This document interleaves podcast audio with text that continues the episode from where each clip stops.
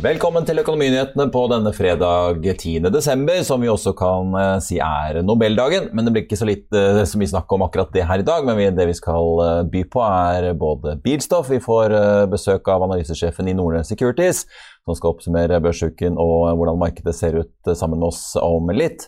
Og så skal vi få teknisk analyse av Rana Grubber. Men først skal vi ta en liten titt på hvordan markedet ser ut akkurat nå. Hovedindeksen den har svingt mellom en nedgang på mellom 0,3 og 0,1 i dag, men ligger an til å få pluss for uken samlet sett. Nordsjøoljen er opp 1,4% til 75,1 dollar per fat i spotmarkedet, mens den amerikanske lettoljen er opp litt mer, halvannen prosent til 71 dollar og 60 cent. Med unntak av dagsindeksen i Tyskland, som er opp 0,2 i dag, så er det stort sett rødt rundt oss i Europa, men det tyder på at vi får en positiv start på Wall Street basert på futuresene der etter gårsdagens eh, nedgang. Det er eh, Scatec, Skipsted, Nell og PCI Biotech som sammen med Arctic Science Technologies er dagens tapere. Morgan Stanley tok opp dekningen sin igjen på Skipsted med et kursmål på 489 kroner og en likevektsanbefaling. Den aksjen er nå på 358. Ser vi på vinnerlisten, så er det to gassaksjer som skiller seg ut, Avans og BVLPG. I tillegg så er også Stolt-Nielsen, Aksjelutions og Kongsberg Automotive på vinnerlisten i dag. Kongsberg Automotive falt jo nesten 7 i går etter kapitalmarkedsdagen og er nå opp øh, ja, fra 3,06 i går til 3,13. Ellers så tar vi med at uh, det er noen uh, nykommere fra bilbransjen på børs. Daimler Trucks har nemlig debutert på Frankfurt-børsen, og for å unngå noen misforståelser så bytter Daimler-aksjen navn til Mercedes-Benz. Og så får vi jo ta med den store nyheten på uh, makrofronten i dag, nemlig KPI-tallene fra SSB over prisveksten. De viste en oppgang på 0,8% fra oktober til november. Ser man da på endringen de siste tolv månedene, så var, eh, har prisene her i landet steget med 5,1% Det er det høyeste vi har sett på hele 13 år siden 2008. Det er ikke helt overraskende strømpris og selvfølgelig nettleie som forklarer det meste av oppgangen, ifølge SSB. Fra november i fjor til november i år så har strømprisene steget med 123,5% Og Ser man på kjerneinflasjonen, som da trekker ut energipriser, så er ikke den opp mer enn 0,1% i november, eller 1,3% siden november i fjor. Det er 0,1% mer enn ventet. I aksjemarkedet ellers så blusser jo da fusjonsryktene opp i riggbransjen igjen etter at Jon Fredriksen har kjøpt seg opp i riggkonkurrenten Valaris. Han eier nå 5% gjennom et investeringsselskap som ligger under Sea Tankers. Og eh, konsernsjefen i Valaris ønsker Shitankers velkommen på eiersiden. Og så er det jo for, for, øvrig interessant å merke seg at eh, konsernsjefen Anton Dibowitz i Valaris tidligere har vært eh, konsernsjef i Sidril, riksselskapet til Jon Fredriksen. Og så får vi gratulere Tina Søreide som ny konkurransedirektør etter Lars Sørgaard, og at Janne Johansen er utnevnt som ny sjefredaktør i Dagens Næringsliv etter Amund Dyve. Opp, opp, opp, opp, opp og opp. Ja, det er jo sånn, eh, ja, det er litt enkelt sagt. Jeg har vært på børsene de siste ti årene, men nå tar det slutt. Og nå begynner gjesten min å humre her i stolen ved siden av. Han uh, følger jo nøye med på markedene og hva som rører seg, men han tror kanskje en korreksjon på børsen er veldig sannsynlig. Hvorfor tror han det? Velkommen til oss, Petter Slyngstadli, analysesjef i Nordnes Securities. Takk for det. Skal vi begynne med den med en gang? Da? Jeg tenkte litt sånn tabloid sagt, ja, nå har det jo nesten gått oppover. Uh, i hvert fall hvis man zoomer litt ut på grafen i ti år, så ja, har det selvfølgelig det. vært noen sånne korrekser underveis. Sånn store var jo selvfølgelig korona. Eh, mm. Tror du det kommer noen stor korreksjon, eller hva er det egentlig du ser for deg? Um, det, på mange måter så er det jo kanskje det som er den store fordelen med dette bull-markedet. At vi har vært så skeptiske underveis. At det har vært så mange bekymringer. Sant? Og fortsatt er vi jo, er vi jo veldig bekymra for veldig mye. Vi er bekymra for Kina, for Russland, um, for omikron og, og egentlig også ja, mye andre ting. Så, så, det er jo ingen eufori i aksjemarkedet. Det var kanskje en tendens til eufori rundt de fornybare aksjene for et år siden. Men ellers er det jo ingen eufori ennå, sant. Den lufta har gått litt ut av ja. ESG-ballongen? Ja. ja. de har jo falt 50 eh, mange av de gjennom eh, det siste året. Sant? Så på en måte så er, er, er børsen den framstår som fornuftig priser, gitt at alt annet er dyrt også. sant? Ja. Rentemarkedet er jo Ja, for børsen er dyr, men alt annet er like dyrt? Ja, at, ja. alt er dyrt. Aksjer er ikke dyrest. Um, og Derfor så kan aksjeoppgangen fortsette en del, men vi er på en måte også alle gisler i forhold til rentemarkedet. Så hvis rentemarkedet skulle endre seg på bakgrunn av disse enormt sterke inflasjonstallene, og rentesettelsen skal endre seg, så blir det jo ingen beskyttelse i aksjemarkedet heller. Og da kan korreksjonen bli stor hvis, hvis rentemarkedet krakelerer. Ja. Men uten et rentemarked som gjør det, og med en sterkt negativ realrente, så jeg, tror jeg at uh, børsen vil klare seg helt greit, egentlig. Ja, for det har vært, altså, Selv om hovedveksten og, og markedet ser ut som har gått veldig i pluss, så har det jo vært store forskjeller på en måte internt. For vi har hatt en veldig stor vridning. eh, Litt som du var inne på, De grønne aksjene har jo mange av de falt veldig mye. Og så har jo energiaksjer, sykliske aksjer, mange av de har gjort det veldig bra. Ja. Tørrlast. Ja, og det er ikke vanskelig. En del av de der gjenåpningsaksjene, hvis vi kan kalle det det. Ja da, og det er ikke vanskelig å bygge en portefølje av egentlig kvalitetsaksjer på Oslo Børs med P10, 11, 12 eh, og en direkteavkastning på 5% sant? Yara f.eks., som en av de aksjene vi liker godt, der har P-en for neste år bikka ti ganger. sant? Og det er jo et selskap som, som, som det ser veldig bra ut for, f.eks. Ja, for den ligger jo, den har dere jo i månedsporteføljen som dere har hatt ganske stabil fra november til desember. Ja. Eh, Men de presses jo av høye gasspriser og har jo måttet liksom trappe ned kraftig ammoniakkproduksjonen eh, nede på kontinentet. Så slår vel det kanskje ut at de kan hente ut litt i økte gjødselpriser i andre enden, da. Men eh, summa summarum vinn-vinn, eller? Ja, altså nå tror vi kanskje på en litt eh, normalisering av gassprisene fram i eh, 2022, når denne Nord Stream pipeline åpner. Ny rødning fra Russland, ja. Og da vil jo marginene til Yara eh, øke. Um, CF Industries var jo ute i dag, faktisk, og, og eh, med en positiv profit warning, altså løfta guidinga si. Det er jo en PR, men de er jo amerikanske, så der er ikke gassprisene steget like mye. Men det er likevel et veldig sterkt signal om et veldig sterkt marked for nitratgjødsel, eh, som Yara nyter godt av. Og running EPS, altså løpende inntjening Yara, er jo også veldig høyt til tross for gassprisene. Og gassprisene er jo da hvis de faller inn i 2022, en ytterligere eh, katalysator for høyere inntjening. Så det virker som en veldig godt balansert risk-reward i den aksjen. Jeg tenkte vi må, Du har tatt noen eh, slides til oss. Ja, jeg har det. Ja. Skal vi gå 'This time is different', står det på den første. Ja. Og det handler rett og slett om at um, vi all, vel aldri har opplevd um, et sånt misforhold mellom nominell BNP-vekst, hvis vi ser på den grafen til, til venstre her, og rentene. Ja, for her har du ti års amerikansk eh. Ja, og no, nominell vekst. økonomisk vekst, ja. Ja. Så det vi ser her, er at det er en sammenheng. Sant? Jo høyere nominelle veksten eh, har vært, jo høyere har renten vært. Og nå har vi den, eh, i grafen her den høyeste nominelle veksten noensinne, mens vi har blant de laveste rentene noensinne. Så det er et ekstremt misforhold. Um, og, et, og hver, hver gang på denne årstida her så gjør vi opp for våre scenarioer for neste år. Sant? Så tenker vi ja, amerikanske aksjer er dyrt. Eh, lang rentedurasjon er kjempedyrt. EM er billigere. Verdiaksjer er billigere. Og så, og så peker vi på de som skal på en måte trekke markedet til neste år. Nå ser jeg at det er veldig mange som i forhold til treasury-markedet bare strekker opp hendene og sier vi skjønner ikke det her. Treasury-markedet har ja, nesten firedobla seg i løpet av den 13-årsperioden siden inflasjonen var, var, i Norge var høy sist. da, sant? Um, og og, og det, det virker immun mot disse tingene. Og når selv Paul da mener at nå er denne inflasjonen mer permanent enn midlertidig, eh, så, eh, så er det rart at fortsatt renten i USA, tiårsrenten er på 1,5 og egentlig fallende, men stigende. Så dette er på en måte, dette er på en måte det store spørsmålstegnet. Dette er den ultimate markedsdriveren for alle assets. Men er det sånn at markedet ikke tror på at den amerikanske sentralbanken faktisk kommer til å begynne å stramme inn og trappe ned kjøp av verdipapirer og begynne å øke rentene? Ja, det er et veldig godt spørsmål. Um, jeg tror kanskje det at markedet tror at vår bæreevne i forhold til nominelle renter er lav. Sånn at uh, rentevåpenet vil være veldig kontraktivt. Og det er jo riktig, for vi har jo hatt en uh, gjeldseksplosjon. sant? Um, sånn, at, sånn at enhver renteøkning vil, til, vil være veldig eh, skadelig for økonomisk aktivitet. og Derfor må renten være lav for at aktiviteten skal holde seg. Um, og, og, og lave realrenter um, er jo positivt for aksjer og masse real assets. Mm. Sant? Så, så, så, jeg tror at sentralbankene vil legge vekt på å holde negative realrenter lengst, lengst mulig, for å få bukt med, med gjeldsoverhenget, eh, og, for, og, for, å få økonomien opp og, opp og gå vanskelig å komme seg på avrusning.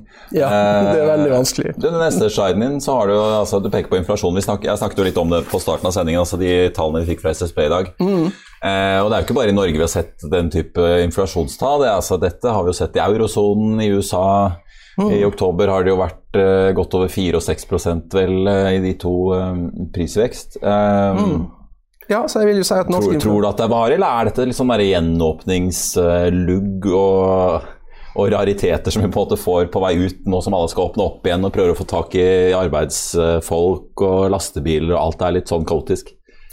Altså Jeg håper jo virkelig det at vi ikke får samme vekst i uh, strømprisene neste tolv måneders periode. Når vi snakker litt på kontoret om å inndra julegaven vi allerede har kjøpt Ja, da tror jeg vi kommer og skrur av lyset i studio her. Og, ja, mm. Napper de ut for en juletre og pantsetter de, har det sånn sagt. Um, det må vi jo gjøre neste år. Så det er klart at noe vil av natur være uh, forbigående. Men ellers så er jeg veldig opptatt av at jeg tror at vi går inn i en periode med høyere prispress. Og Det er først og fremst permanent høyere inflasjon. og Det er først og fremst fordi at det grønne skiftet koster utrolig mye. Sånn vi får økte karbonavgifter som vil påvirke transportkostnadene. Så har vi tatt ut den engangseffekten av globaliseringa også. Eh, kinesiske arbeidere i forhold til amerikanske er mye dyrere nå enn de var for 20 år siden. Og vi har kontor i Vilnius, de er mye dyrere i forhold til nordmenn enn de var for 20 år siden. Eh, så engangseffekten av globalisering er tatt ut, og så, og, så, og så, er det geopolitiske bildet veldig annerledes. Pandemien viser at det er en gevinst ved å ha leverandøren din i Larvik og ikke i, i Beijing. Og det må du da betale litt for også. Og kanskje ha litt lager, rett og slett? Ikke bare ja, ha, ha sånn just in time-leveranser ja, hele tiden? Ja. Absolutt. Og det som er litt interessant med denne grafen, her, er at vareprisene, sant? varer i varepriser, konsumentprisene for vare i vare, har falt i 25 år. Uh, Um, og, og, det har da dempa den oppgangen vi har sett um, i uh, råvareprisene. sant? Um, dempa effekten av det. Mm. Så dette er liksom første gang vi får økte priser på varer i varer, og vi får uh, økte uh, råvarepriser. Og Da blir det vanskelig for totalinflasjonen å absorbere begge deler. Så drar arbeidsmarkedet seg til noe helt eh, sinnssykt, for å bruke et eh, bergenskraftuttrykk. Um, vi ser det på jobless claim. Sant? Laveste siden 1969, da befolkninga i USA og 200 millioner. Sant? Ja, Lars Mauland i Nordea var her for noen uker siden og snakket om at i Norge har det jo heller aldri vært flere ledige stillinger. Nei. Sånn vacancies, ledige stillinger i USA og Storbritannia. Hele, ja, Det virker som det går over hele Atlanteren på en måte. Og, ja. Ja. og så i tillegg er folk lei av å jobbe.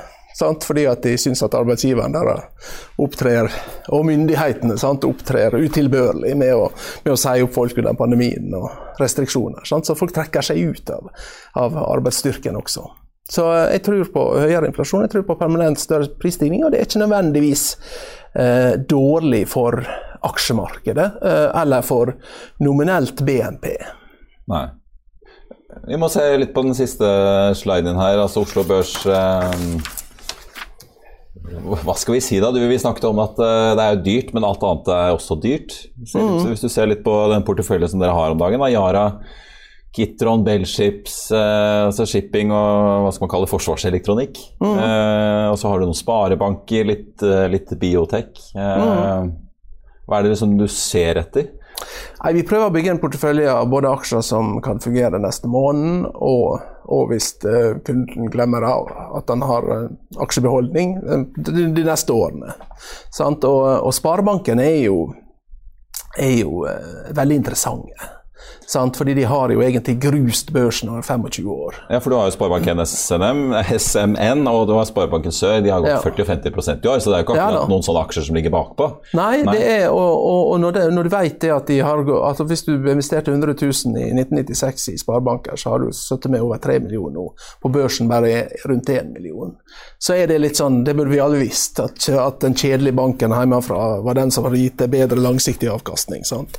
Og når vi har fått de 40 med disse kjedelige sparebankene, så er det opplagt det, ja, ja, men da blir det vel dårlig til neste år. Eh, men det er van veldig vanskelig å bygge et veldig bedre scenario på disse sparebankene uten å, uten å samtidig være veldig negativ til resten av markedet. Ja. Sant? Fordi det tar litt tid for at tap skal komme opp for sparebanksektoren. Ja, Da må liksom norsk økonomi i, Ja, må i tanke, generelt men- virkelig tanke? eller? Det må tanke, men, men vi, vi, husene våre går ikke på tvangsauksjon før alt annet har gått. Sant? Så, og tapene opp, opptrer da ikke hos bankene før, før gjerne om to-tre år. Sant?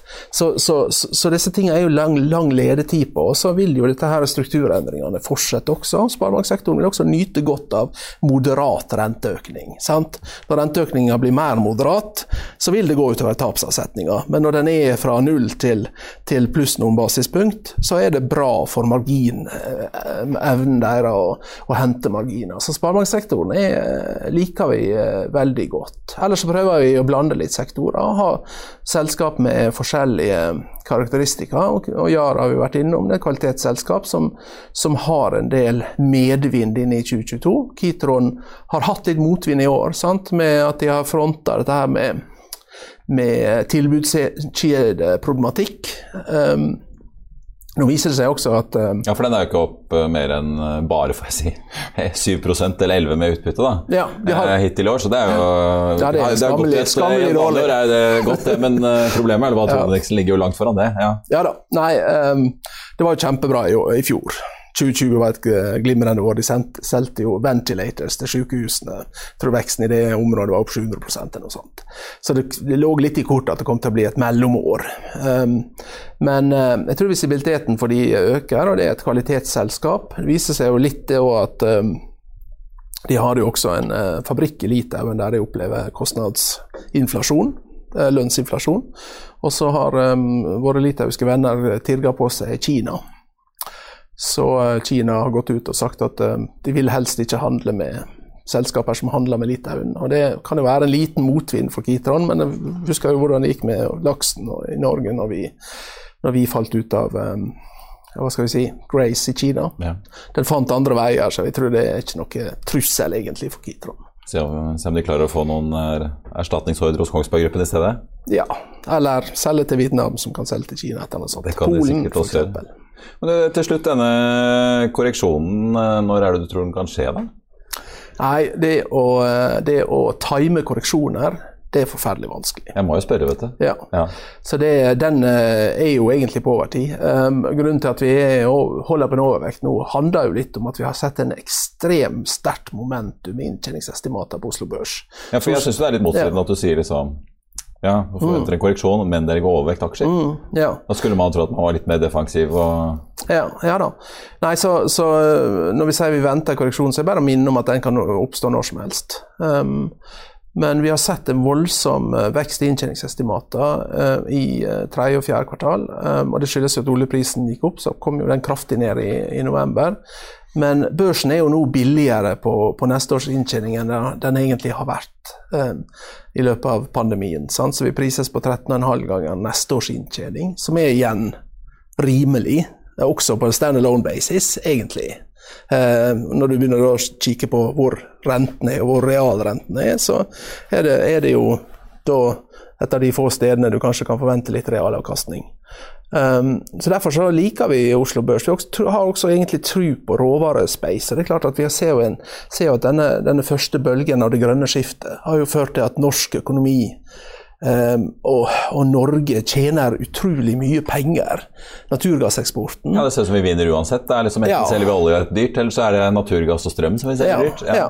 Og olje selger vi fortsatt dyrt, sant? fordi krona er et annet sted nå enn da oljeprisen var 140 dollar fatet. Eh, så oljeprisen i norske kroner er fortsatt rundt 700 uh, kroner fatet, som er relativt høyt. Så, så norsk økonomi går veldig bra, og det syns egentlig verken børsen eller krona får fullt kred for. Og vi venter også at råvaremarkedet vil dra seg litt til inn i neste år. Når det er sagt, så, så, så trekker nå Fed tilbake igjen likviditet. Eh, De må gjøre noe med styringsrenta. De kan ikke se at nominelt BNP vokser med 15-20 og, og, og, og styringsrenta er, er null. Dette er et enormt misforhold. De fleste økonomiske indikatorer fra USA også er relativt gode. sant? Um, ISM-indeksene ligger rundt 60 og 70, faktisk. Solklar all-time high for service-indeksen. Sånn at momentum inn i 2022 i amerikansk økonomi er bra. Uh, og da tror jeg Fed vil kanskje forsere ting, og det er ting som gjerne gir en korreksjon. Uh, så jeg er forberedt på at vi må uh, scale tilbake relativt tidlig inn i det nye året. Ja. Prisbok 2-2 fortsatt rødt flagg, skriver du? Ja, det er jo alltid det. sant? Det vil jo alltid være et rødt flagg. og det, det, det vil jo alltid, Historisk har vi alltid hatt en, en, et større bæremarked når vi har vært oppe og snust på 2-2-2-3. Um, men så er det jo litt sånn at Oslo Børs endrer jo også litt karakter. Det blir mer, flere mer kapitalette selskap ute der, også på børsen. Det er ikke bare shipping, finans og, og tungindustri. sant? Sånn at det kan jo være det at det er prisbok det prisboktallet etter hvert må pensjoneres, altså. Det, det, vi må iallfall ta høyde for at det kanskje er et litt mer konservativt eh, mål nå enn det var for 20, 30 og 40 år siden. Vi får ringe Petter Hermaner og høre hva han syns om det. Ja, nå har vel han pensjonert seg. Ja, men han er ikke pensjonert, han har bare begynt for seg selv. ja, det er. Petter Skingstadli i Nordnes Securities, tusen takk skal du ha, og riktig god helg. Takk i like måte. I'll see you in court. Vi sier det ofte litt på spøk, men for deg som driver business, er det aldri moro å innse at du ikke har laget en 100% gyldig kontrakt. Du bør ikke risikere hele firmaet ditt fordi du synes dette med kontrakter er litt stress. En avtale er ikke en avtale. Du kan miste kunder, miste venner, ja, til og med miste inntekter om du ikke lager en skikkelig kontrakt, på alt mulig, egentlig. Men vi vet det er et styr. Kopimaskiner, tregprinter og haugevis av papir. Dessuten stoler vi jo på folk her i landet. Det er ofte litt kleint å skulle be om en signatur for alt mulig, ja, for mye av styret handler også om jakten på underskriften. Det finnes en enkel måte å løse dette på, Dukkobit, en trygg, effektiv og get this, gratis måte å sikre seg en god natts søvn pluss en juridisk bindende avtale. Dukkobit-appen har de strengeste sikkerhetskrav i bunn, samt en EU-godkjent og sertifisert teknologi. Framover vil det bli behagelig å spørre du, skal vi skrive under på det, eller? Kom i gang på dokobit.no. Da eh, skal vi også ta med at eh, regjeringen de snur, for de starter nemlig arbeidet med en ordning for lønnsstøtte. Det opplyser finansminister Trygve Slagsvold Vedum i dag, etter å ha møtt partene i arbeidslivet. Og så får vi ta med at eh, til tross for denne veldig høye inflasjonen som skyldes strømprisene, så mener Statnett i en ny prognose at strømprisene vil nesten halvere seg fremover. Så får vi se om de får rett i den. Det er snart helg, og det betyr at det er lørdag og tid for en ny utgave av Finansavisen Motor, som dere kan hygge dere med i helgen. Og mens snøen har lavet nedover store, store deler av landet den siste tiden, er kjøreforholdene ganske annerledes der redaksjonssjef Andreas Scheel i Motorredaksjonen nylig har vært. Bare se her. Porsche har lenge vært en mester i å utvikle nye modeller og versjoner av alle sine forskjellige biler. Det Porsche har gjort nå, er å hente frem essensen i egentlig hele Porsche og lage en GTS-versjon av Taycan. Og dette er en bil hvor de har tatt alt det beste fra 4S-modellen. Og så har de tunet eh, motoren litt, de har økt eh, rekkevidden. Det er liksom veldig mye som er gjort. Understellet er også skjedd en del med. Det er gjort en del designendringer, både innvendig og utvendig. Inni har du Racetex, og du har enten karbon eller børstet aluminium i interiøret. Bilen kan spekkes med alt det sedvanlige utstyret. PDCC, bakakselstyring osv. Sport Krono er selvfølgelig standard i GTS-modellen. Men dette er en bil som først og fremst er en kjøremaskin. Den eh, posisjonerer seg også godt under turbomodellene når det gjelder ytelse, rett frem og ikke minst pris. Men når det gjelder å ta denne bilen ut på bane, så er det en GTS-versjon du skal ha. Dette her er ordentlig heftig. De som ikke tror at motorsport og banekjøring er gøy med elbiler, de har ikke prøvd dette her, for dette her er helt voldsomt. Denne GTS-versjonen med alle de endringer og oppgraderinger som er skjedd med understell, elektronikken, eh, motorstyring, data altså, Det er gjort en mengde ting, og den har fått betydelig høyere dreiemoment. Porsche har klart det igjen. De har laget en eh, GTS-versjon som eh, treffer den nerven eh, de mest badeorienterte menneskene vil ha, som ikke nødvendigvis bare vil ha maks hestekrefter i en turbo, så er dette bilen for de som er ordentlig glad i å kjøre. If I can only get out. Not that I want to. Ja, Du kom deg ut av bilen eh, i California-ørkenen, Andreas. Velkommen. Takk for det. Jo da, det gikk greit. Men som jeg så vidt avslutningsvis sa der, at eh, jeg hadde ikke lyst til å gå ut av bilen. Men, Nei, det eh, skjønner jeg veldig godt. Men du, eh, de som har fulgt med, har jo sett at du har vært både på Los Angeles Autoshow show Det var vel den ene bilutstillingen vi rakk her i verden før det var ny nedstenging. Eh, men dette her er jo Og der hadde du en eh, GTS Taycan. Men det var jo da Turismo det var. Sport, Sport Turismoen som er denne som har taklinjen fra Cross Turismoen, men som likevel er basert på den vanlige Taycanen. Så det er ikke en sånn SUV-lignende bil med firehjulstrekk, eller disse offroad-systemene som Cross Turismoen har, men mer en, sport, en GTS med den litt større bagasjerommet og litt mer praktiske bilen, som sikkert er den som kommer til å slå an her hjemme i Norge, men for alle praktiske formål så er det den samme bilen. Den har par kilometer kortere rekkevidde. Det er vel egentlig den største forskjellen. Men eh, begge disse bilene, har, altså GTS-en har jo nå fått lengre rekkevidde, er på over 50 mil. Så det skjer noe hele tiden. Og dette kommer også nye Takal-modeller til gode fra neste år. Så Ja. det, verden går fremover. Verden går fremover. Du kan ikke kjøre sånn hvis du skal få 500 km rekkevidde. da. Det, Det er klart, det kan du ikke. Men eh, det er jo igjen da, det er det som er morsomt med en GTS-modell som er spisset litt ekstra med understell, litt ekstra styring. Det er gjort en del ting. Flere hestekrefter på bakaksjen, så denne bilen er gjort mer racingpreget. Og det er derfor den skal på bane helst. Ja, for det er det jeg lurer på. Du nevnte jo det i videoen her, at uh, fremtiden er ikke så dyster, selv om det kanskje blir elektrisk uh, på banekjøring fremover. Absolutt ikke. Hvordan, altså, mange vet at elbiler er ganske kjappe når du gasser på, for det er, reaksjonen er liksom umiddelbar. Men hvordan er den, eh, altså, hvor, tett på er det egentlig når Porsche kaster alt de har av eh, know-how og ekspertise for å lage noe sånt? Det blir veldig bra. Det er klart at denne bilen er jo faktisk enda litt tyngre. Den veier nå 2,3 tonn før du setter deg inn og eventuelt slenger i slalåmstøvler og vinflasker og det du skal ha med. Det er ikke noe Mazda Miata, liksom? Nei, det er ikke det. Så den er tung, og selv også på bane så er den jo det. Men allikevel, igjen, tyngdepunktet er lavt. Og med alle de støttesystemene og hjulopphengende store hjul og sånn, så sitter du veldig bra når du kompenserer for vekten. Men det som nesten overrasker, er hvor fort du kan kjøre. Altså, du kan kjøre fortere enn du tror i en så svær og tung bil. Altså, en 911 veier kanskje 1600 kg ferdig spekka, og den har veid 2,3 tonn. Så det er klart, i en krapp sving så Da er det 700 kilo til som skal rundt sving. Nemlig. Ja. Men bortsett fra det, så er det imponerende. Og disse hjulopphengende firehjulstrekksystemene er blitt enda mer effektive, så det er bare å gi på. Porsche er jo eksperter i å lage masse ulike varianter av eh, modellene sine med to nye bokstaver eller tre nye bokstaver, ny pris og, og litt andre detaljer. Absolutt. Kjennerne har noe å se etter.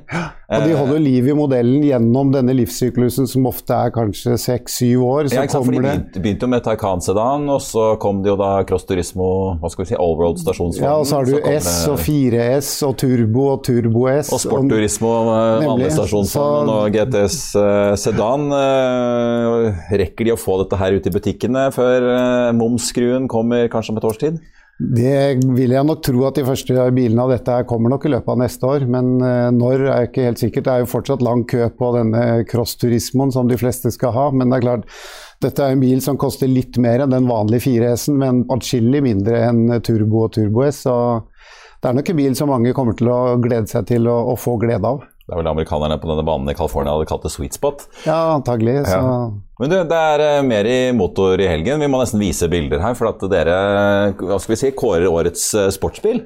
Ja, vi har sett på litt av det vi har vært så heldige å prøve i løpet av året. Og det skjer jo en utvikling eh, med biler med bensinmotor også. og det, Hva er det vi ser på her? Dette er den eh, Ferrari SF90 Stradale, og det er jo en plug-in hybrid som kan kjøre 25 km på ren elektrisitet.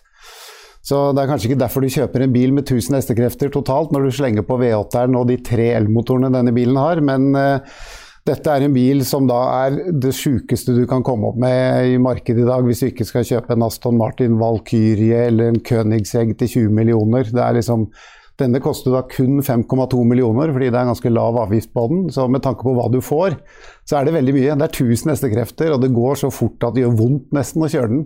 Men, Man skal attpåtil snike deg litt sånn rolig og diskré inn de siste 100 meterne inn til hotellet i Roma på Strøm. Ja, ikke sant. Ja. Det, men det er jo ikke bare denne. Det er jo kommet masse andre biler også. Maserati har kommet med en sportsbil i år. GT3 fra Porsche 911.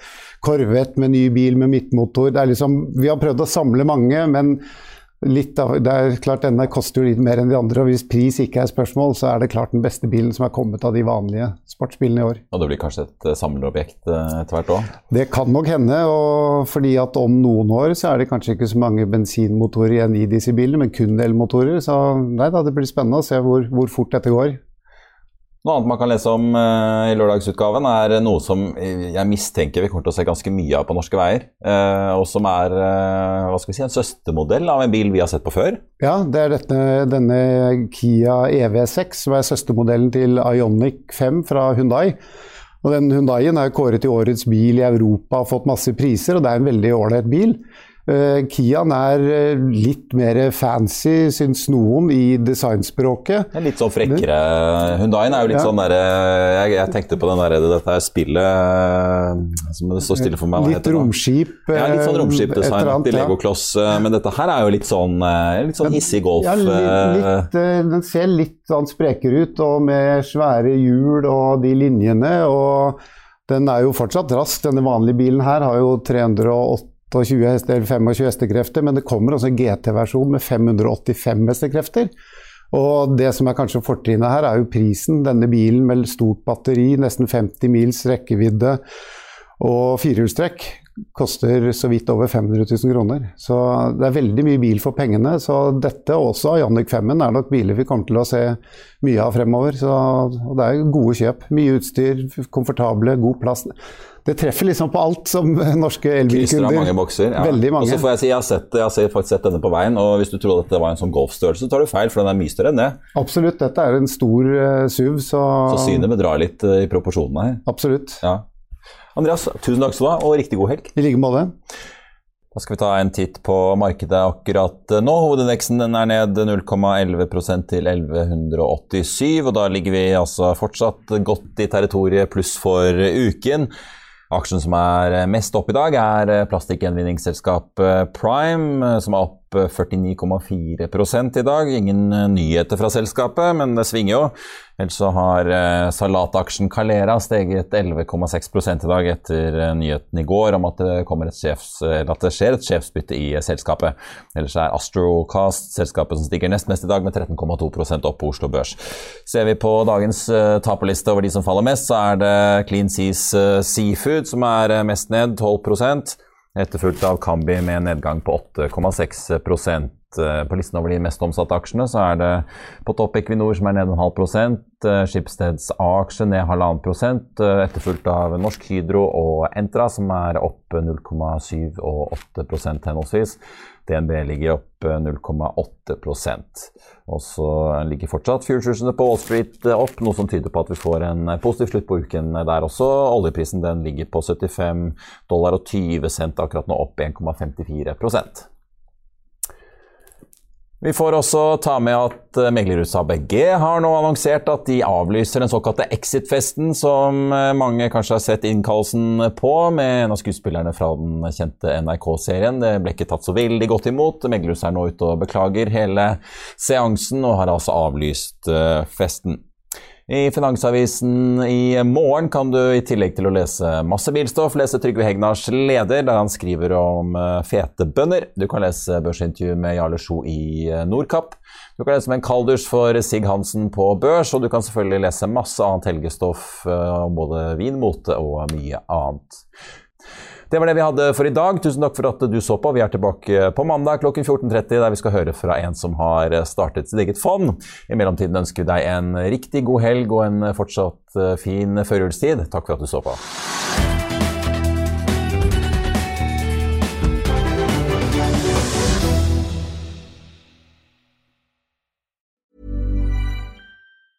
Hi, I'm Daniel, founder of Pretty Litter. Did you know cats tend to hide symptoms of sickness and pain? I learned this the hard way after losing my cat, Gingy. So I created Pretty Litter, a health monitoring litter that helps detect early signs of illness by changing colors, saving you money and potentially your cat's life. Pretty Litter is veterinarian developed, and it's the easiest way to keep tabs on your fur baby's health right at home. Go to prettylitter.com and use code ACAST for 20% off your first order and a free cat toy. Terms and conditions apply. See site for details. Økonominyhetene er en podkast fra Finansavisen. Programledere er Marius Lorentzen, Stein Ove Haugen og Benedikte Storm Bamvik. Produsenter er Lars Brenden Skram og Bashar Johar. Og ansvarlig redaktør er Trygve Hegnar.